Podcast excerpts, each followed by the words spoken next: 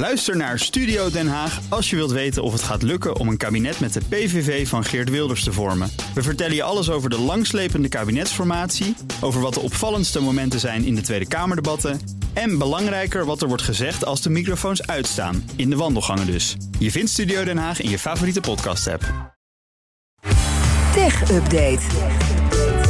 En Joe van Buurik is bij ons. Hey Joe. Hey, Liesbeth en Kees. Nou, we beginnen op de fiets, want er komt geen speciaal rijbewijs voor e-bikes. Ja, in ieder geval niet eh, volgens het CBR. En die gaan daarover bij monden van directeur Alexander Pechtold. Een speciaal fietsexamen voor e-bikes, uh, daar zou heel weinig draagvlak voor zijn, zegt hij. En ook een verplichte keuring voor ouderen komt er niet. Ondanks dat we dat, als het gaat om rijbewijzen voor auto's, heel normaal vinden vanaf de leeftijd van 75. Dat alles op een reactie uh, op de gestegen aantal dodelijke ongelukken met fietsen afgelopen jaar. Het, ja. ja, 291 mensen kwamen om het, om het leven terwijl een jaar eerder dat nog 207 mensen overkwam. Meer dan de helft van die nieuwe doden zeg maar, was 75 of ouder. En dat is fors. Volgens CBR vooral te wijten aan de opkomst van de e-bike. Want ja, daar ga je een stuk harder mee. Pechtold zegt daarbij ook, we moeten oppassen... dat we niet alles proberen af te dwingen via administratieve procedures. Je kunt niet alles bij de overheid neerleggen. Maar wat natuurlijk ook meespeelt... is dat bij de het CBR al langer een gebrek aan personeel meespeelt. Ja. Dus ja, uh, wel is het CBR voor een cursus bij aanschaf van een e-bike. Ja, leuk, Liesbeth, maar het voelt toch een beetje vrijblijvend als je het mij vraagt. Ik denk niet dat er heel veel voor, uh, van terecht gaat komen. Ja, 75-plussers wel, die willen heus wel zo'n cursus. Ja, die hebben daar ja. tijd voor en ja. aandacht. Maar ja, de jongeren in elk geval niet. Die zou je natuurlijk ook moeten opleiden. Dat is een onderdeel van het uh, verkeer. en ook zou in bestaande rijexamen voor automobilisten en motorrijders meer aandacht moeten komen voor de e-bikes. Want ja, de snelheidsverschillen zijn fors. Verder heeft Pechtold ook nog gezegd dat op de basisschool meer aandacht moet komen voor e-bikes. Ik weet nog wel, maar dat is alweer 25 jaar geleden dat we ooit een fietsexamen moesten afleggen.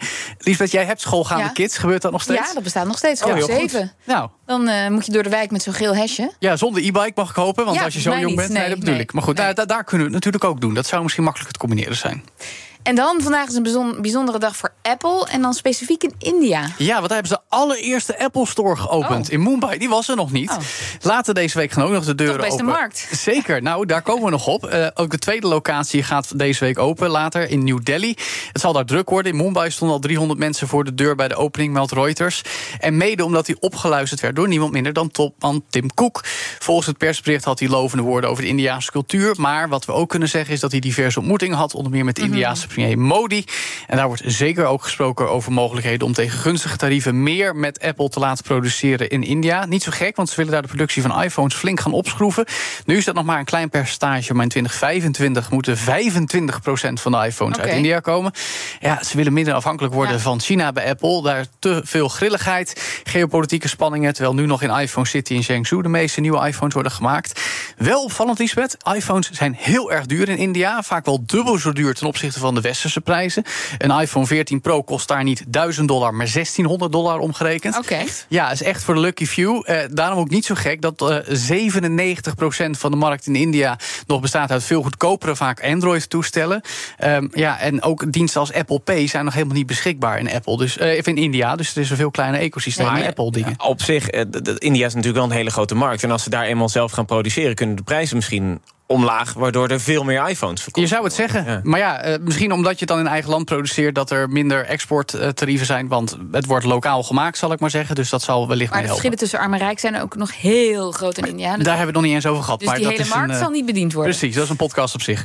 En dan nog even dit. Eh, Amazon's e-book-platform Kindle, of Kindle, Kindle, ja. Kindle heeft een pornoprobleem. Nou, Jawel. vertel. Ja, ja, er zijn mensen die hebben een Kindle e-reader, maar je hebt ook de app voor smartphones en tablets waarmee je e-books kan aanschaffen.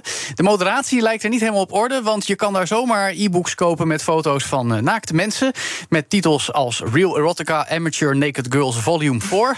Dat ontdekte persbureau Reuters toen twee gezinnen daar melden dat hun jonge kinderen deze pikante e-books zomaar konden downloaden via het abonnement op de Kindle Unlimited app, 10 dollar per maand, onbeperkt toegang tot e-books, met dus ook deze biologische plaatjes om te bestuderen.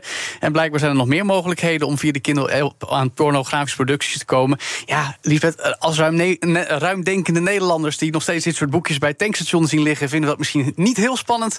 Apple en Google denken daar iets anders over. Eh, die hebben bij Reuters aangegeven dat Amazon nadrukkelijk verzocht is dit probleem zo spoedig mogelijk op te lossen. Komt trouwens door de Kindle Direct Publishing tak, waar auteurs rechtstreeks content kunnen plaatsen. Maar ja, als dat niet helemaal goed gecheckt is door Amazon, dan kan dit gebeuren. Het ligt in Amerika heel gevoelig, hè? Dat wou ik Ja. zeggen. Daar Ja. mag een, een, een tepel al niet in beeld kopen. Voor wie overigens, het zou zomaar kunnen, geïnteresseerd is... kijk naar dat Kindle Unlimited. Want Reuters beschrijft dat aan alle niches is gedacht... met erotische boeken, ook zonder plaatjes. Inclusief verhalen met dino's en aliens. Oh. Zorg dan wel even dat Maar je ook kinderen... de, de klassieke boeketreeks. eh, Ongetwijfeld. Maar zorg wel dat je kinderen niet op het apparaat kunnen... of in elk geval niet in jouw account. Nee, nou ja, want als ze dan Dino intikken, dan komen ze op een heel dat ander wou ik maar net even zeggen. Dankjewel, Joe van Buurik. De BNR Tech Update wordt mede mogelijk gemaakt door Lenklen. Lenklen. Betrokken expertise, gedreven resultaat. Bij BNR ben je altijd als eerste op de hoogte van het laatste nieuws. Luister dagelijks live via internet. Bas van Werven. En heel langzaam komt de zon op rond dit tijdstip. Je krijgt inzicht in de dag die komt op BNR, het Binnenhof in Nederland en de rest van de wereld. De Ochtendspits. Voor de beste start van je werkdag. Blijf scherp en mis niets.